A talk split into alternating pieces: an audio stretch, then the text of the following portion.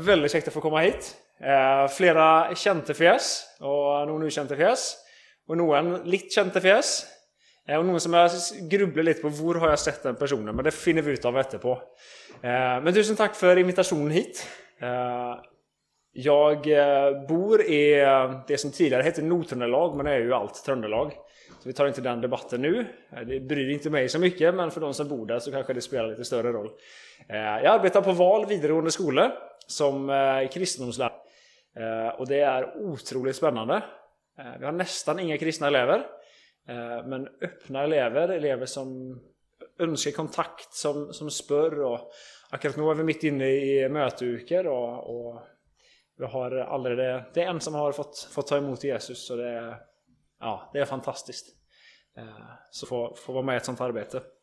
Eh, jag är gift med, med Miriam och eh, jag brukar ofta säga det, en del vet det kanske, men jag tycker det är så fint att säga det för att Miriam är ett hebraiskt namn.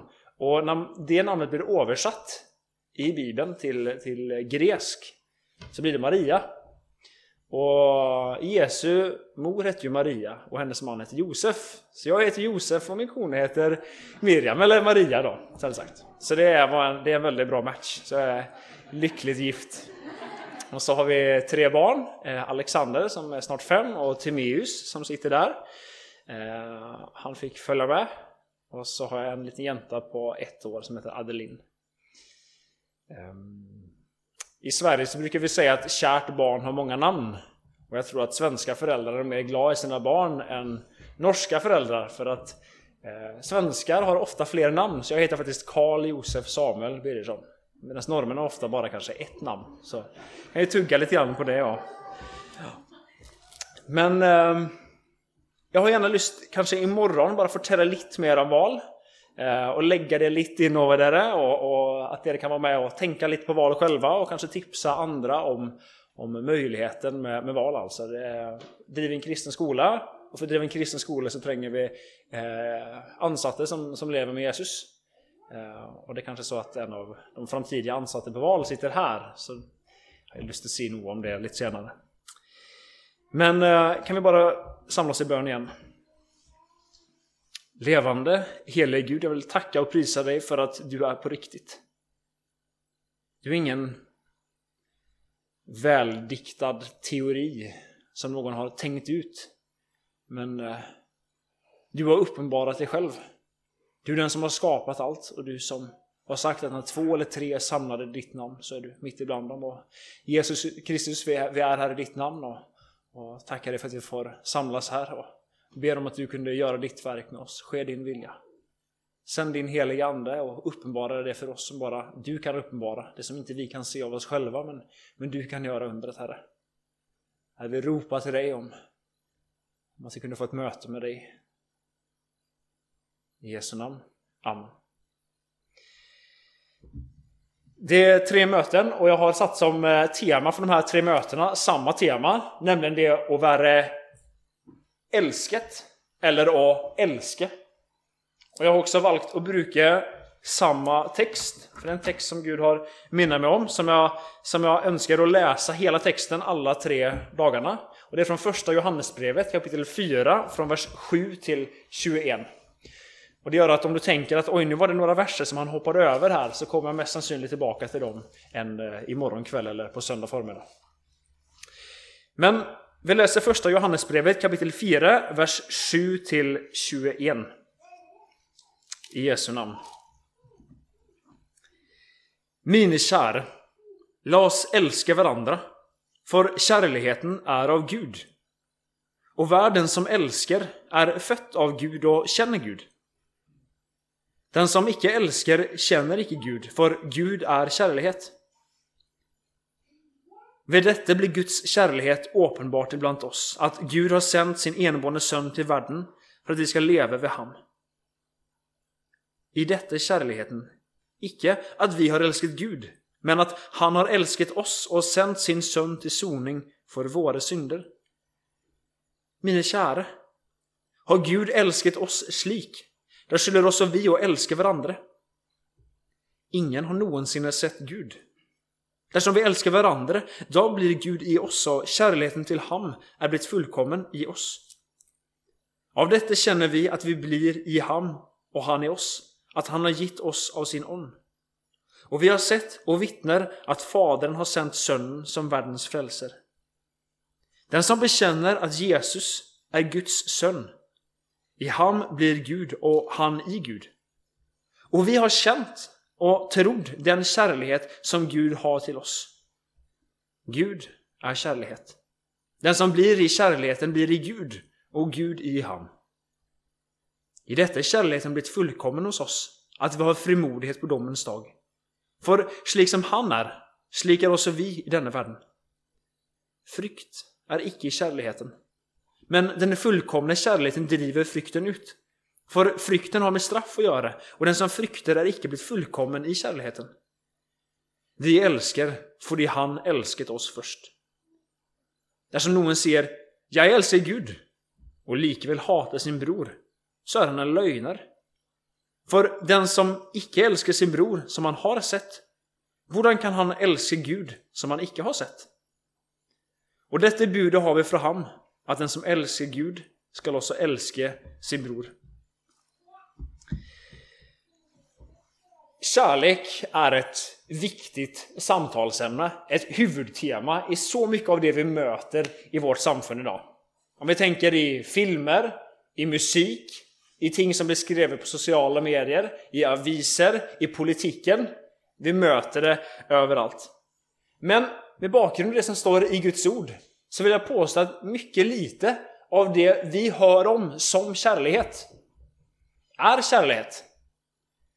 Det är kanske mer förälskelse, romantik, begär, egenkärlighet.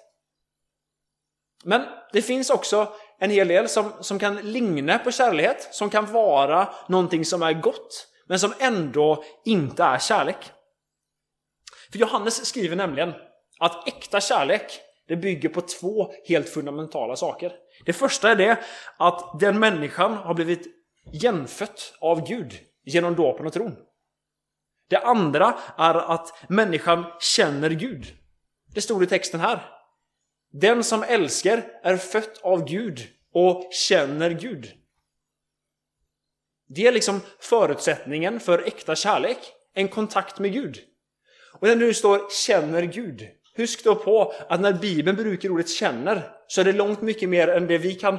När vi brukar ordet ”känner”, jag, jag känner till någon lite sådär. eller om jag ska vara lite höflig och någon säger Josef, har du hört om den personen?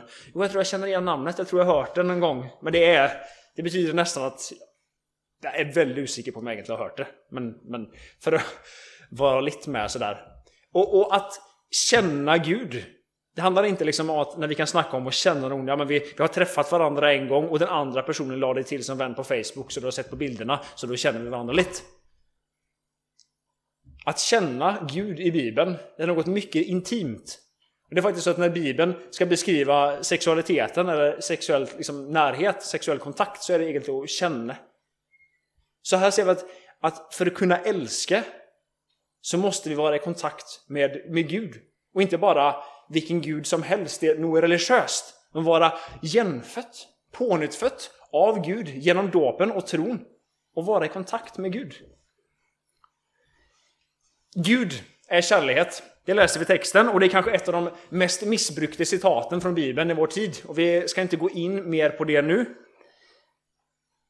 Men det att Gud är kärlighet, det betyder att kärleken är integrerad i Guds väsen. Alltså, Gud, Gud är och, och puster och, och, och, det är så integrerat i det som, som Gud själv är. Och därför betyder också att kärleken finner sin kilde i Gud. Kärlighet har inte en kilde ett annat ställe än i Gud. Alltså, kärlek kan inte frikopplas från Guds väsen. Och jag vill att vi slår upp Romarna 5, vers 5. Romarna 5, 5.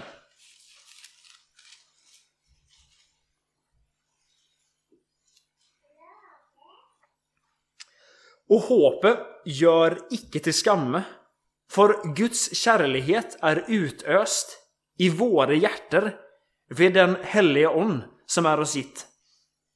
Alltså, när ett människa får fred med Gud och får förlåt, förlåtelse för all synd genom tron på Jesus så flyttar Gud in i mig med hela sin rikedom. Och det betyder alltså att den kärleken som Gud hade till världen, som vi läser om i Johannes 3.16. Så älskade Gud världen att han gav sin enbårne son.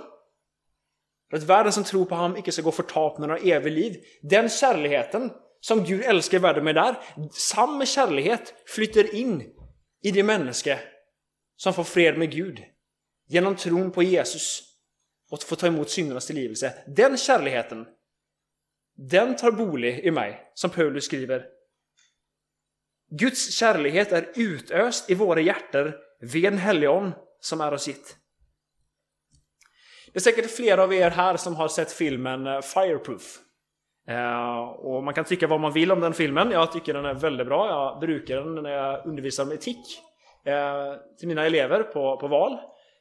Och jag säger ofta att ja, det här är en gammal film från 2008 och man kan, kan tycka att det är lite klent en del mm, gamla scener och sådär.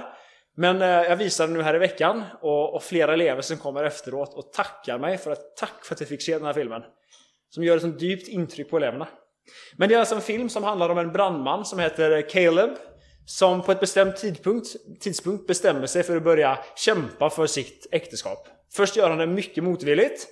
Eh, det är egentligen bara far som är lite slitsam och bara pressar på för att han ska göra det. Men, men han bestämmer sig för att göra det och eftervart så är det nog som han önskar. Men i en, en dialog där, i en situation med sin far John, så, så säger hans pappa till honom så här Eh, när, när Caleb uttrycker sin frustration över att detta är vanskligt, detta får jag inte till, detta funkar inte.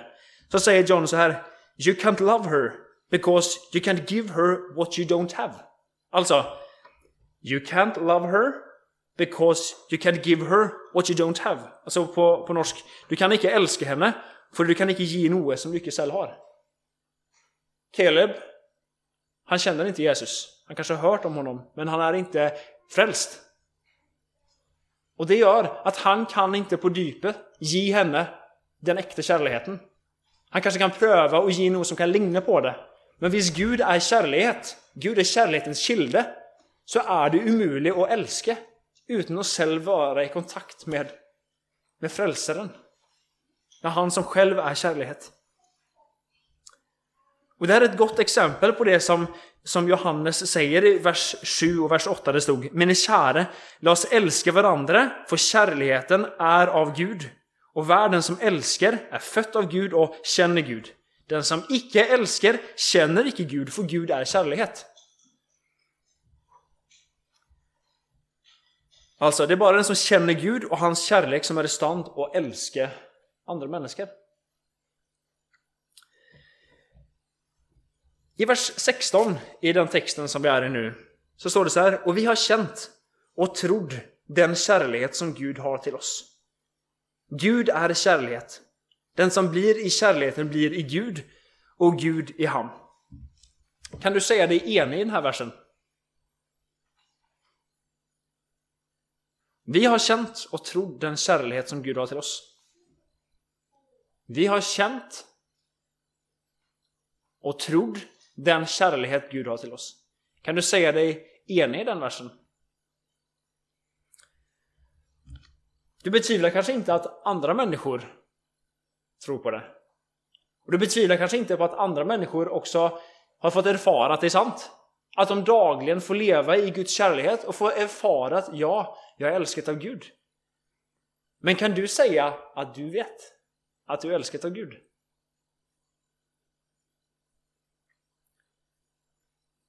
Bara för att komma en parentes till detta. Sällan om du skulle veta om det och känna dig trygg på det, eller inte känna dig trygg på det, så är det inte så att Guds kärlek därmed är väldigt sån flackande. Att så länge jag är bevisst och erfar Guds kärlek, så älskar Gud mig.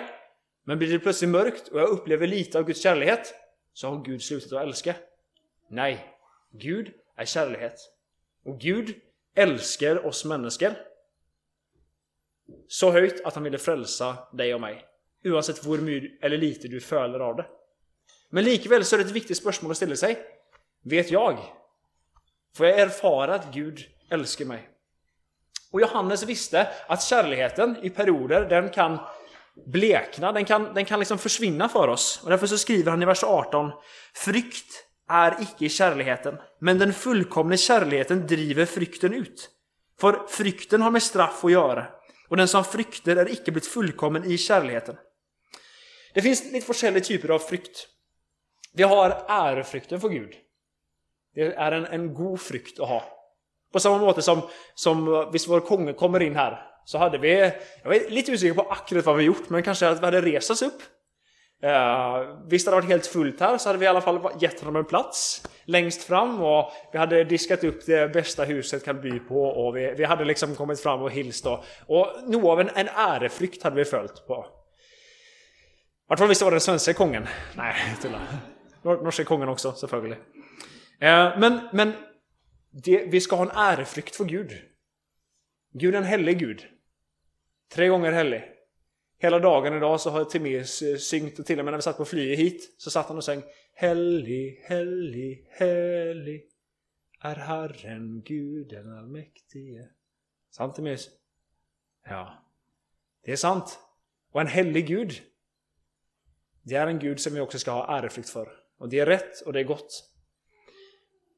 Ja, bra Timéus. Den andra frykten, det är den frykten som eh, den som lever med en ouppklarad synd, som inte vill bekänna sin synd för Herren, den har all grund till att frykta Gud, frykta hans straff över synden.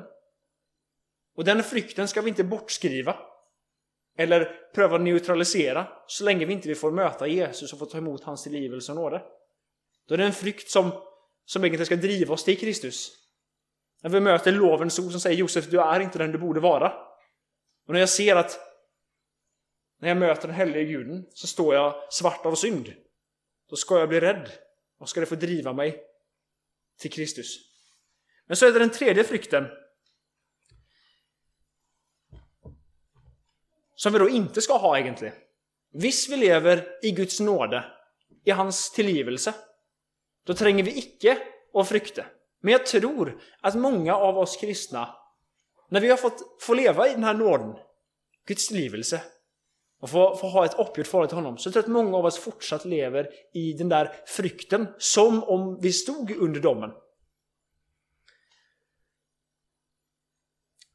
Och för att få, förstå det här så, så ska vi gå tillbaka till situationen i Edens hage i Första Mosebok 3. Första Mosebok 3, vers eh, 8 och 9.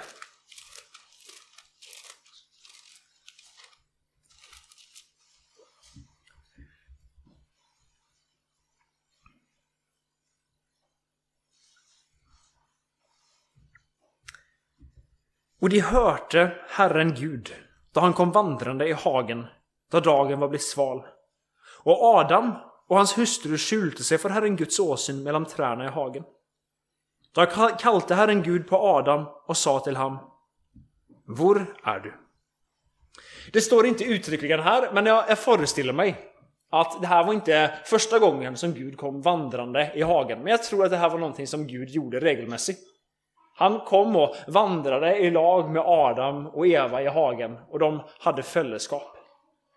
Jag tror nog av det att människan är skapt i Guds bilde handlar om nettopp detta att, att Gud är en treenig Gud som har en relation till sig själv, som älskar sig själv, som är, som är, som är ett, som är enig. Och så skapar Gud människan i sitt bilde. Människat som är skapt till att ha relation både med Gud och med andra människor. Och jag tror att den här vandringen, det var någonting som, som gentog sig. Och därför så, så väntade liksom Gud på att Adam och Eva skulle vara klara, ha, ha, ha säcken på ryggen och vara redo för att gå tur. Och plötsligt så är de borta, de har gömt sig. Men var det så att Gud han började älska Adam och Eva i och med syndafallet? När det gått skickligt dåligt, när de hade brutit hans vilja, då började Gud älska Adam och Eva. Vi kan ju tänka kanske det motsatta. Men nej, det var inte då han började älska dem.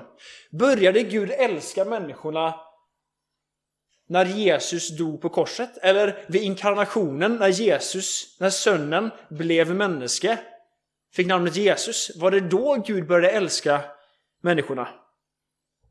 Ehm, som det är så i vår familj så, så sjunger vi ganska många bibelvers. Det finns ett tips, visst är det någon som har barn här. Och visst man inte har barn så är det här ett väldigt bra tips oavsett. Eh, det finns en som heter eh, Toril Karstad. Kanske hon, kanske hon finns här någonstans, jag vet inte. Eh, hon har satt melodi till 80 bibelvers. Och, och de, de sångerna brukar vi i familjen. Och, och Timeus som är tre år, han kan många bibelvers. Och, och här ehm, eh, ofta så, så, kommer de och säger kan vi synga den eller den. Och, och ett av de här verserna det är den här. Eh, det, visst är det av Bibeln så kan det slå upp Jeremia 30, eh, 31, vers 3. Så, kan det vara, så synger vi i lag, det klarar vi. När, när min treåring klarar att synga där så kan det synga där. Jeremia 31, vers 3. Där står det Med evig kärlighet har jag älskat dig. Därför la jag min misskund mot dig var. Okej, okay, jag synger en gång och så, vis, så prövar du giva det på Timeus, han blir med också. Med evig kärlek har jag älskat dig Därför la jag min misskund mot dig vare Med evig kärlek har jag älskat dig Jeremia 31, vers 3 Okej, vi synger en gång till. Och visst du har frimodighet till att pröva att synga så gör du det. Och visst du är, visst du är den beskedliga typen så är det grejt att bara läsa med. Med evig kärlighet har jag älskat dig. Därför la jag min misskund mot dig vare. Med evig kärlighet har jag älskat dig. Jeremia 31, vers 3 nu har du begynt till Gud och älskar människet? Med evig kärlek har jag älskat dig. Gud, han börjar inte älska människorna vid syndafallet, vid Jesu död på korset, vid inkarnationen eller vid uppståndelsen eller något sånt. Men Gud har älskat människet helt från begynnelsen av med en evig kärlek. Och det som kännetecknar relationen mellan Adam och Eva och Gud, det var öppenhet, ärlighet, fällskap, kärlighet. Det vill säga, det var ingen rädsla för Gud, ingen frykt för Gud i, i, i den en negativ bemärkning. Men i och med syndafallet så sker en fundamental förändring i relationen. Adam och Eva de gömmer sig för Gud på grund av rädsla för honom. Och den här rädslan den är ju högst legitim. Det är med god grund att de blir rädda, för de har för Guds vrede uppenbaras ju över all ogudaktighet som det står om i Romarbrevet. Och nu har Adam och Eva på ett så tydligt sätt gjort upprör mot Guds vilja, mot Guds väsen. Och därför har de god grund till att, att, att gömma sig och vara rädda. Och när Gud är vred, då bör vi människor verkligen vara rädda. Varför dog Jesus på korset? Det är helt grundläggande spörsmål. Vi läser första Johannesbrevet som är i första Johannesbrevet kapitel 4, vers 9 och 10 så står det Vid detta blir Guds kärlek uppenbart ibland oss, att Gud har sänt sin enbårne son till världen för att vi ska leva vid ham. I detta är kärleken, icke att vi har älskat Gud, men att han har älskat oss och sänt sin son till soning för våra synder. Det här betyder också att efter syndafallet så älskar Gud människan. Och flera tusen år senare, vid den cirka år 33, när Gud rammar sin son. När Jesus dör på korset. Då älskar Gud också världen. Och så gör han det för att vi ska få leva och för att våra synder ska bli försonade. Det är Guds kärlek. Och så gjorde han det för att den ursprungliga relationen mellan Adam och Eva och Gud, den skulle bli genomupprättat. Ehm, och detta kommer knappast tydligare fram än när förhänge i templet rävnar. Det revner från överst till nederst så att det är öppet helt in till det allra heligaste. Det är det som sker när Jesus dör på korset. Hans kärlighet blir uppenbart. Det öppnar vägen in till fällskapet med Gud. Fällskapet blir genomprättet. Och nu ber jag oss om att vi ska göra ett, ett, ett tankeexperiment. Vi ska vända tillbaka till Edens hage. Se för dig dagen då syndafallet skedde. Adam och Eva, de är där. De gömmer sig för Gud. Och det gör de med god grund, som vi var inne på. Och redan samma dag så blir de kastade ut ur Edens hage. Nästa dag dör Jesus på korset. Alltså, vi har syndafallet. Nästa dag dör Jesus på korset. Redan samma kväll som då Jesus har dött på korset så söker Gud upp Adam och Eva där de är i, utanför Edens hage ett städ och förkynner för Adam och Eva evangeliet om syndernas förlåtelse, om tillgivelse, om en genomprättad relation. Och samma kväll får Adam och Eva lov att trä in i Edens hage igen. Dag tre. Det har blivit kväll. Gud kommer gående som vanligt i Edens hage och väntar och finner sig, finner Adam och Eva. Men de är borta. De gömmer sig fortsatt. Och, och vi, vi är nöjda till att läsa samma sak. Gud spör Adam, var är du? Och lite nölande kommer, kikar Adam fram bakom ett av träden. Och så säger han lite försiktigt, ja, här, här är jag. Ja, men, va, va, va, varför gömmer du dig? Så säger Adam, jo, jo eh, Jesus, Jesus stod på korset och, och så, så, så, du behöver inte vara fred på mig. Ehm, allt, allt är färdigt. Ja, jag vet, svarar Gud. Men varför fortsätter du att gömma dig? Nu kan vi gå i tur i lagen. Men, men Adam, han ger sig liksom inte så lätt. Ja, men, men du är ju kärlek och du visar det genom att Jesus stod på korset och, och, och nu är det ju bara det jag tror på.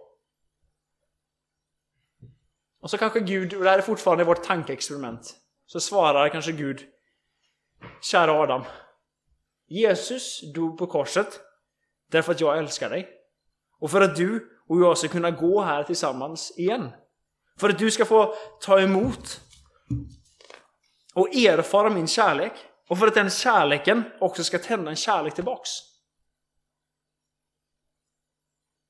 Tänk ett äktepar som har kranglet. Uh, ja, min kone, eller det är mest min kone som snackar om det, men att vi, vi kallar inte det för krangel, vi kallar det för u-grejer. Hon tycker att det är mycket bättre att kalla det för en u-grejer, men det är väl någon form av, av krangel. Men tänk dig ett äktepar som har haft en u-greje. Och så har det varit massa dålig stämning. Det har varit stillhet, det har kanske varit hare ord eller sårande ord. Och så blir det en försoning och makarna får be varandra om tillgivelse. Och i vart fall om jag nu brukar vårt eget äktenskap som exempel, så är det inte så att vi i många dagar ältar den där försoningen. Ja, vi hade en krangling, vi hade en krangel och så, och så blev det bra igen. Och så nästa dag så snackar vi ja vi hade en krangel och så blev det bra igen. Och så snackar vi om att det var en krangel och så blev det bra igen. Och huskar du den här dåliga stämningen? Nej, det att det blir en försoning är förutsättningen för att vi ska kunna ha en koslig kväll i lag. För att vi ska kunna ha middagar igen, där vi samtalar om fina ting. Där vi får sticker ut och tränar i lag eller vad det nu kan vara. Försoningen är förutsättningen för att det är ett fällskap som har blivit genomupprättat. Det är något som har blivit nytt. Det jag nu säger, det handlar på ingen som helst måte om att göra Jesu försoning eller döden på korset eller nåden noe som helst mindre. Vi ska fortsätta att tala lika mycket om det och gärna tala ännu mycket mer om det.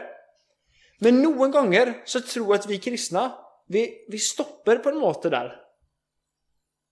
För vad är det Jesus gör när han dör på detta korset? Jo, han sätter oss tillbaka i den relationen som Adam och Eva hade till Gud i Edens hage med öppenhet, ärlighet, kärlighet, relation. Och så kan det ske någon gånger att vi begränsar Guds kärlighet till att gälla det som skedde för 2000 år sedan. Akkurat då, för 2000 år sedan, visade Gud sin kärlighet. Och ja, och som det står i Guds ord, då åpenbarte Gud sin kärlighet. För det som är tingen med dig och mig, det är att vi i utgångspunkten är misstänksamma mot Gud. Vi tror inte att Gud älskar.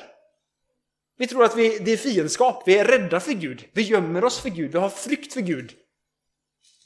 Och flykt med rätta. Och så måste Jesus dö för att kunna genomprätta relationen.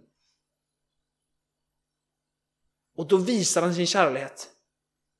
det var inte som inte så att någon tänker så här att Gud han, eh, han, han blev människa, han dog på korset bara för att visa att allt är grejt. Jag är väldigt glad i det. Och då syns jag i så fall att det är en fryktlig rar måte att visa att man är glad någon på. Visst Jesus icke egentligen trängt att dö på korset. Men han var nött till att dö på korset för att du skulle kunna bli fri från din synd. För att få tillgivelse. För att kunna komma in i fällskapet. Och vi känner oss själva så gott att vi vet att synden hänger över oss var dag. Och vi tränger att komma till Jesus var dag och säga Jesus, du vet. Du vet allt med mitt liv. Du vet mina tankar, du vet mitt begär. Du vet allt det där som jag faktiskt inte har gjort. Många gånger så är det nästan det som är den stora synden. Allt det du väljer att icke göra. Men så dog Jesus på korset för det han älskar dig. Och så sätter han in dig i den här nya relationen. Och det vill jag att vi ska ta in över oss. Kanske att vi ska få börja be till Gud. Gud, kan jag få börja kan jag få börja vandra med dig igen på samma måte som Adam och Eva. Man fick vandra med dig i hagen. Och i ett, i ett äktenskap, det beklagar om jag brukar i bilder, men Bibeln brukar bilder av äktenskap en del, så då har jag frimodigt till att göra det. I ett äktenskap, ja dessvärre så blir det ofta så, men egentligen ett äktenskap så är det så att vi är inte ute efter att, jag är inte ute efter att jag ska få massa ting från min kone. Eh, den svenska prästen Bo Giertz sa en gång så här att man gifter sig inte för att bli lycklig. Mm. Vadå gör man inte det? Man gifter sig för att göra en, ett annat människa lycklig. Och i en sån relation så handlar det inte om att oh, vad kan min kone ge mig? Oh, hon kan ge mig, ge mig dejliga middagar, hon kan ge mig den klämmen, hon kan liksom ge mig den andra känslan som jag tränger och så bara oh, det, det är därför vi är gift. Nej, det handlar om att bli känt med det andra människets hjärta. Bli känt med det människet och bara leva i, i fällskapet. Det står i en psalm står det så här att vara i Guds närhet är lycka för mig. Det står lite annorlunda på norsk. Att vara i Guds närhet är lycka för mig. Det handlar inte primärt om att jag är ute efter Guds välsignelse, efter Guds helbredelse, jag är ute efter ditt eller datt. Men Adam och Eva, de, de fick vandra med Gud. Det fällskapet, och i det fällskapet så är det också en kärlighet som jag får erfara varje dag. Men det fällskapet förutsätter att jag också får ta emot den kärleken som Gud visade mig när Jesus dödade på korset. Och jag kan liksom inte frikoppla relationen från, från frälsen på korset vid Jesus och tillgivelsen och nåden. Men vi ska inte heller bara begränsa det att för 2000 år sedan visade Gud kärlek. Ja, det gjorde han. Det är förutsättningen för att jag också idag kan få leva i denna kärleksrelation med Gud.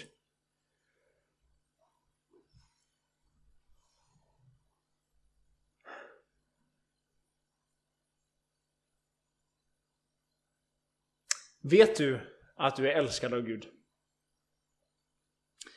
Det här är inte någonting som vi kan bestämma oss för.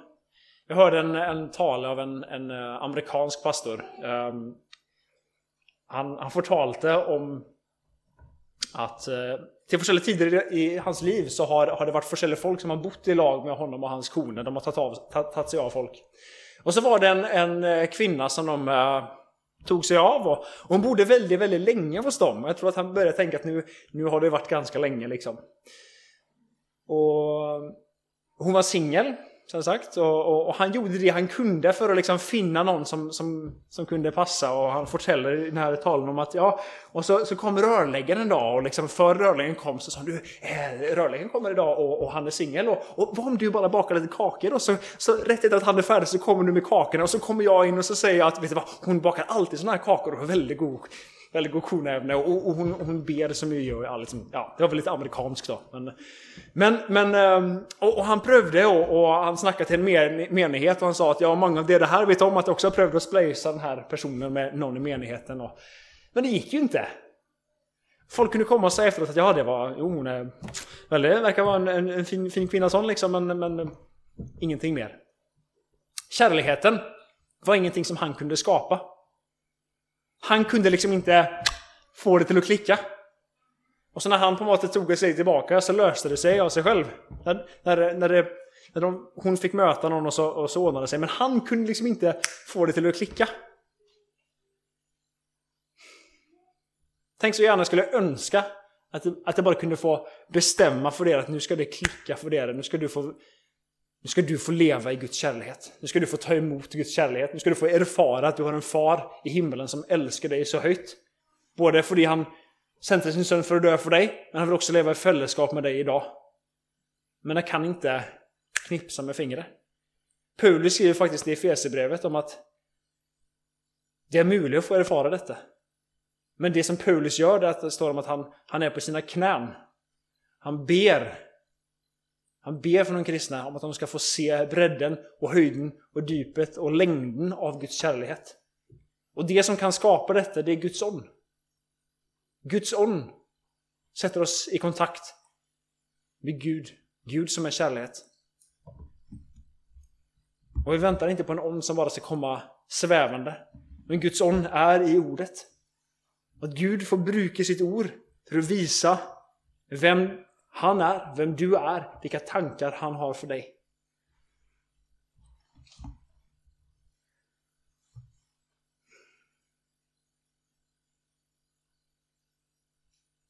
Sök fällskap med Gud.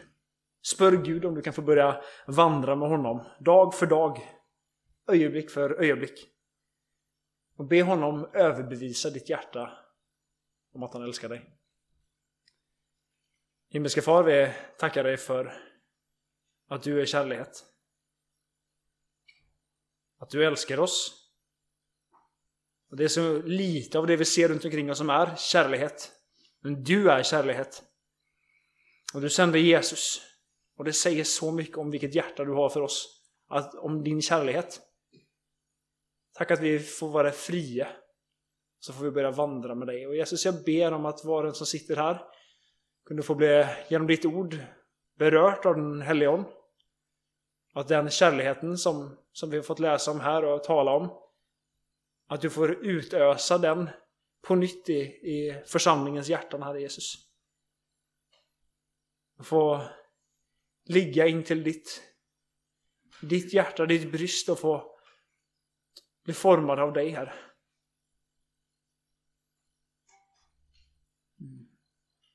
Ske din vilja. I Jesu namn. Amen.